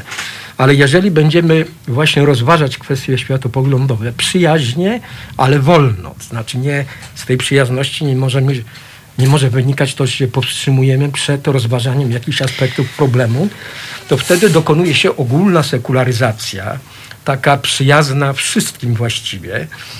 I, I w gruncie rzeczy to zaczyna się zbliżać do jakiegoś ideału takiego kulturowo-politycznego. No, w, zgadzam się z tobą, tylko w, tylko w, zwróć uwagę, czy też może no nie musisz zwracać uwagi, tylko Ale chętnie spróbuję, zwrócę. spróbuję podsumować coś, co jest oczywiste.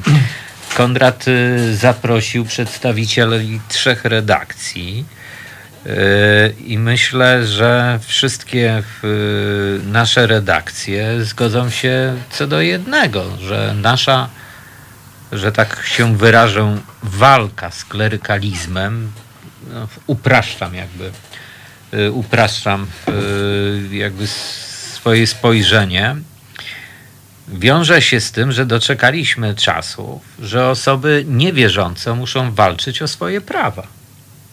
To jest nienormalne.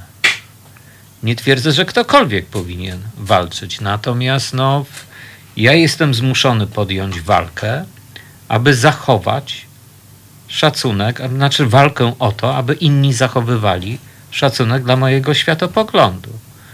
To się nie dzieje w naszym kraju, mnie zaś zmusza się, abym taki szacunek okazywał ich poglądom. Osoby niewierzące, ateiści lub innowiercy w stosunku do katolicyzmu stały się mniejszością po prostu jesteśmy prześladowani.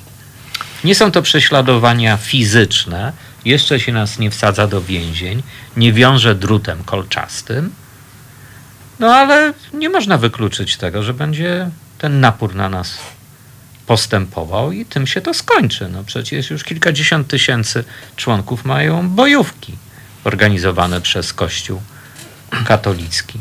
Żołnierze Chrystusa, ale oni. Też rycerze Oni, Chrystusa. oni, oni ślubują, że będą walczyć z kościołem otwartym, który głosi fałszywe Tak, miłosierdzie. tak, tak, tak. I mają Więc- różańce, które ważą w y, 30 deko, wykonane ze stali, No tak, ale służące oni, im za bardziej, kastetu. oni tak? bardziej nienawidzą tych tak zwanych otwartych katolików, czy też No nie niech tak nienawidzą w, y, kogo niż chcą. nas. No.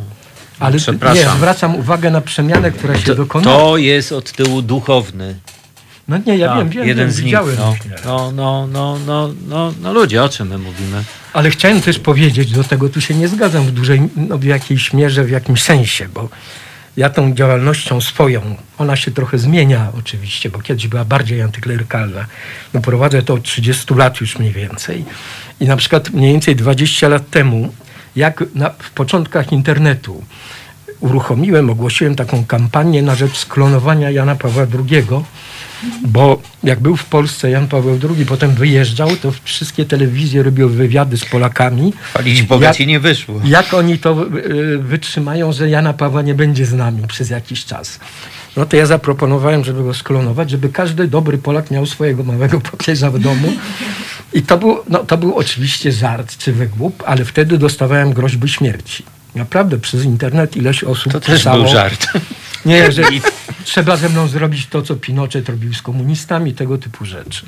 Natomiast jak w zeszłym roku celowo, żeby przetestować przemiany kulturowe, podczas wykładów, które prowadziłem w Kolegium Civitas na temat historii ateizmu i podobne tematy, mówiłem o tym, żeby zobaczyć, jaka będzie reakcja sali, a na sali przecież byli ludzie, no, przypuszczalnie w większości jakoś tam przynależący do kościoła.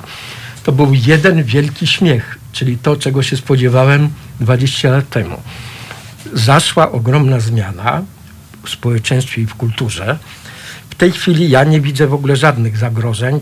20 lat temu, jak wydawałem książki y, bardzo krytyczne, na przykład Jana Pawła II Wojna z ludźmi, wydałem tego, w dużej mierze były tam teksty z nie, ale też ze świata, nie przyjęła do sprzedaży tej książki ani jedna księgarnia. Dzisiaj, już od ładnych paru lat, książki ateistyczne, antyklerykalne hulają w księgarniach bez problemu. Ewidentnie dokonał się postęp. Zresztą wracamy do Ale początku miałeś podrzucić. rozmowy. Ja zaproponowałem, że bardzo chętnie reklamę puszczę, uruchamię za darmo sprzedaż. No to świetnie. Panowie, to wobec tego Kiedyś tak. płaciłem 1000 zł za reklamę. Ja Masz z proponuję, Afrika, przynajmniej jedno. żebyśmy odetchnęli do ostatniej rundy i posłuchali trochę muzyki, żeby mieć takie świeże tutaj umysły. Czy może to być muzyka kościelna? Yy, no prawie. Zbigniew Wodecki, Panny mojego dziadka. To jest powtórka programu.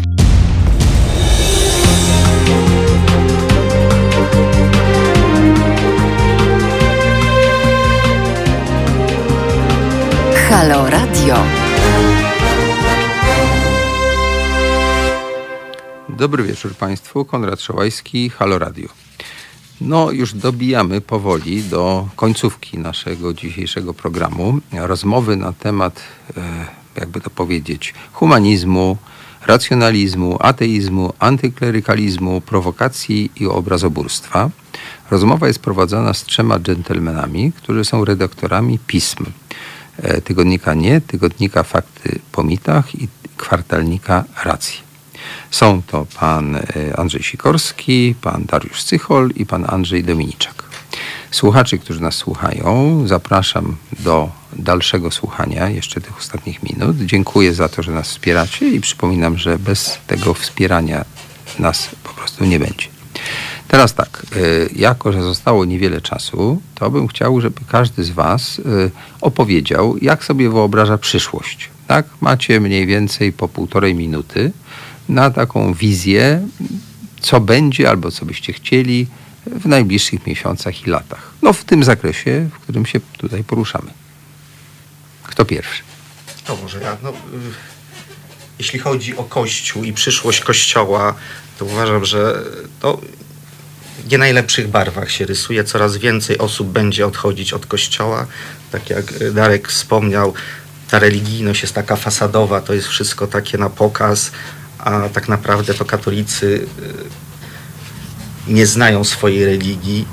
Y, kiedyś Kościół oferował zbawienie, a teraz oferuje pognębienie geja, lesbijki czy LGTB. Już się nie mówi o zbawieniu, tylko się mówi o wrogach, którzy się czają za każdym rogiem i o zagrożeniu rodziny. Tak? I polskości, tożsamości, E, ale tak naprawdę ta religijność to jest, to jest tylko taka, to jest taka na pokaz, a zresztą to widać też w badaniach opinii społecznej.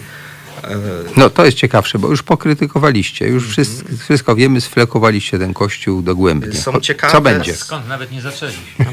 Są ciekawe badania, na przykład CEBOS na temat religijności Polaków.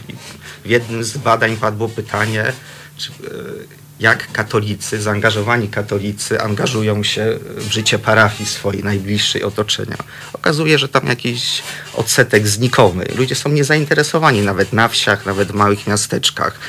E, no tak to wygląda. Ja kiedyś lat temu 30, jak więcej, jak byłem nastolatkiem. No chodziłem do kościoła i nawet chodziłem do księdza. Chodziliśmy na plebanie. Nic ci nie zrobił? Nic mi nie zrobił i chodziliśmy tam, pomagaliśmy, sprze- cmentarz sprzątaliśmy. Ale co ksiądz nam zaoferował? Ksiądz jako jedyny miał magnetowid na wsi. Ksiądz miał stół do ping-ponga. Zawsze można było sobie film obejrzeć, pograć w ping-ponga. tak wyglądało, ale Dobrze, czy interesowaliśmy się tam wiarą jakąś, czy, czy religią? Mieliśmy to tak naprawdę gdzieś. Andrzej, masz jeszcze 30 sekund na wizję przyszłości. Na wizję przyszłości, no uważam, że tak jak wspomniałem już, no Kościół chyli się ku upadkowi. E, będą coraz mocniejsze głosy takie no, skrajne, nacjonalistyczne. Chcesz bronić Kościoła, rozumiem. Nie, nie, w żadnym, w żadnym wypadku. Mówię, że... Dodaj, że sprawia ci to Tak, ależ oczywiście. E, kapłani, hierarchia będzie coraz bardziej marginalizowana. Głos będą brali politycy, czy będą przejmować elektorat, czy wiernych politycy o skrajnych poglądach. I to tutaj widzę jak gdyby to takie przesunięcie. Już nikt nie będzie patrzył na to, nie, jaka tam, nie będzie się zastanawiał nad wiarą, nie będzie się zastanawiał nad sensem życia, ale tylko tak, jakiego tutaj wroga sobie nowego znaleźć, bo zaraz po LGTB będzie inny wróg. Nie łudźmy się. No dobrze, okej. Okay. O, rozumiem, że prorokujesz, że będzie tak trochę jak na zachodzie. Darek. E, no myślę odrobinkę podobnie, to znaczy twierdzę, że będzie tak samo, tylko inaczej. Tak? Y, nie sądzę, aby jakiekolwiek głębokie zmiany nastąpiły w, nastąpiły w przeciągu najbliższego roku. Kościół jest, y, jest tak skompromitowaną y, instytucją, że na dobrą sprawę stracił rację bytu. A mimo to w, mają się całkiem dobrze. W, rżną państwo na ogromną kasę, mnożą swoje majątki, rozszerzają wpływy i nie sądzę, aby to się zmieniło. Jest to związane w tej chwili z polityką, tak? To znaczy, w, nigdy jeszcze nie było im tak dobrze, jak jest dobrze teraz. A co Kiedy- będzie za rok, dwa, pięć? Jeżeli będzie PiS przy władzy, nic się nie zmieni. Dlatego, że w Kościół katolicki, polski Kościół katolicki jest potrzebny prawicy polskiej. Jest to element funkcjonowania tych struktur.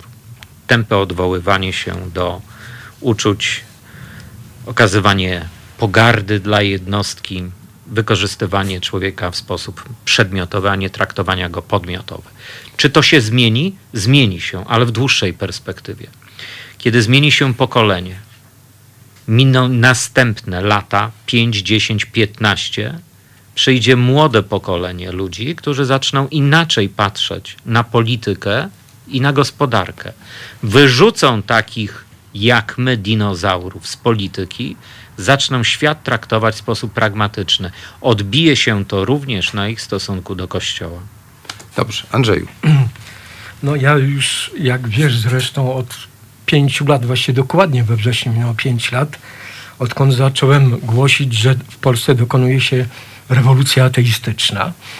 Oczywiście te re- rewolucje bywają bardzo różne, są lepiej lub mniej widoczne. W tej chwili ta akurat jest mniej widoczna, chociaż w tym radiu i sam fakt, że ono powstało, jest jakby częścią tej rewolucji. A myślę, że ona się, że tak powiem, dopełni i stanie się dla wszystkich oczywista, jak PiS przegra wybory, a myślę, że przegra najbliższe wybory, bez względu na to, czy będą za rok, czy za trzy lata. Różne napięcia, które na przykład związane są z radykalizacją części Kościoła, który, jak mówiłem wcześniej, właściwie upatruje wroga głównego w Kościele otwartym. Napięcia na tym tle mogą doprowadzić do bardzo różnych zjawisk politycznych, rozpadu tej koalicji. Niewiele brakowało już teraz, żeby to się stało.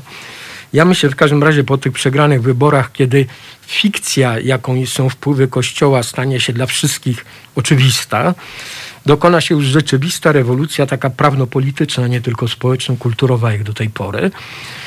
I y, wtedy zacznie się bardzo ciekawy okres, że tworzenia nowego społeczeństwa w dużej mierze właśnie z tych y, młodszej generacji, która już prawie odeszła od kościoła według badań Pew Research Center, takiej amerykańskiej instytucji, która prowadzi bardzo różne badania w skali całego świata. Y, Pol, Polska, w szczególności polska młodzież odchodzi od kościoła najszybciej na świecie. Tylko 16% młodych ludzi deklaruje, że religia jest dla nich ważna. I ważne jest, żeby za te trzy lata, jak już tylko 10% będzie mówiło, że religia jest dla nich ważna, żeby oni znaleźli coś ważnego zamiast tej religii. I w racjach, i y, w czasie rozmów wideo, i w, w tekstach zastanawiamy się nad tym, co by to mogło być. Nie jedna rzecz, oczywiście, wiele rzeczy. Jestem raczej optymistą nawet co do tego, chociaż to będzie ciężka i wieloletnia, ale przyjemna i ciekawa praca. Między innymi dlatego, no, że Polska jednak nadal, mam tutaj silnie ambiwalentne uczucia, ale, ale też optymistyczne, jest tą papugą narodów. No i dalej będą młodzi ludzie i w średnim wieku ludzie jeździć do tej Europy i czerpać inspiracje, bo jednak dla Polaków w dalszym ciągu, jak się czegoś dowiemy, że jest w Europie tam jakoś, to od razu się wydaje, że tak powinno być. Na ogół tak, chociaż też bym wolał, żeby to nie było takie bezkrytyczne małpowanie, ale krytyczne małpowanie. Dobrze, ostatnie pytanie, ale po jednym zdaniu. Czy kampania, której plakat jest za waszymi plecami, e, służąca do uświadomienia ludziom, ile kosztuje Kościół w Polsce, czy ma sens i jaki? Ale po jednym zdaniu. Oczywiście ma sens. Okej, Tak, oczywiście. A to zdanie takie krótkie musi być. tak. No ma umiarkowany sens, bo to się robi u was w radiu od paru miesięcy, ale w ogóle my to robimy od 30 lat przecież. Dobrze. Panowie, bardzo uprzejmie Wam dziękuję za wizytę w studio. Myślę, że każdy z Was mógłby o swojej pracy i o swoim piśmie opowiadać, wypełniając cały program, ale mnie chodziło właśnie o taką kapsułę, żeby zobaczyć, jak Wy w ogóle wyglądacie, jak istniejecie, e, jakie są Wasze myśli, plany i perspektywy. I dodaj, że jak wygląda nowe pismo, Tygodnik Opinii na rynku polskim. No właśnie. Pierwszy numer, proszę Państwa, koniecznie kupujcie fakty po mitach. Dziękuję. I może się znowu za jakiś czas spotkamy i zobaczymy, co się zmieniło i czy wasze proroctwa y, zamieniły się w realność. Czy mamy świat Margaret Atwood, opowieści podręcznej tutaj, czy mamy, no tak jak to jest w krajach zachodnich, tak? Zobaczymy. Wszystkim słuchaczom bardzo uprzejmie dziękuję. Y, Za tydzień będzie Dziękujemy. za tydzień będzie też ciekawie, e, bo będziemy tutaj gościli teologa, który nam opowie, e, jakiego rodzaju przemiany następują w obrębie e, wspólnot katolickich i co z tego wynika. To nie jedyny wątek, ale taki dosyć powiedziałbym intrygujący i myślę, że to wywoła sporo dyskusji. I cóż, życzę Państwu dobrej nocy.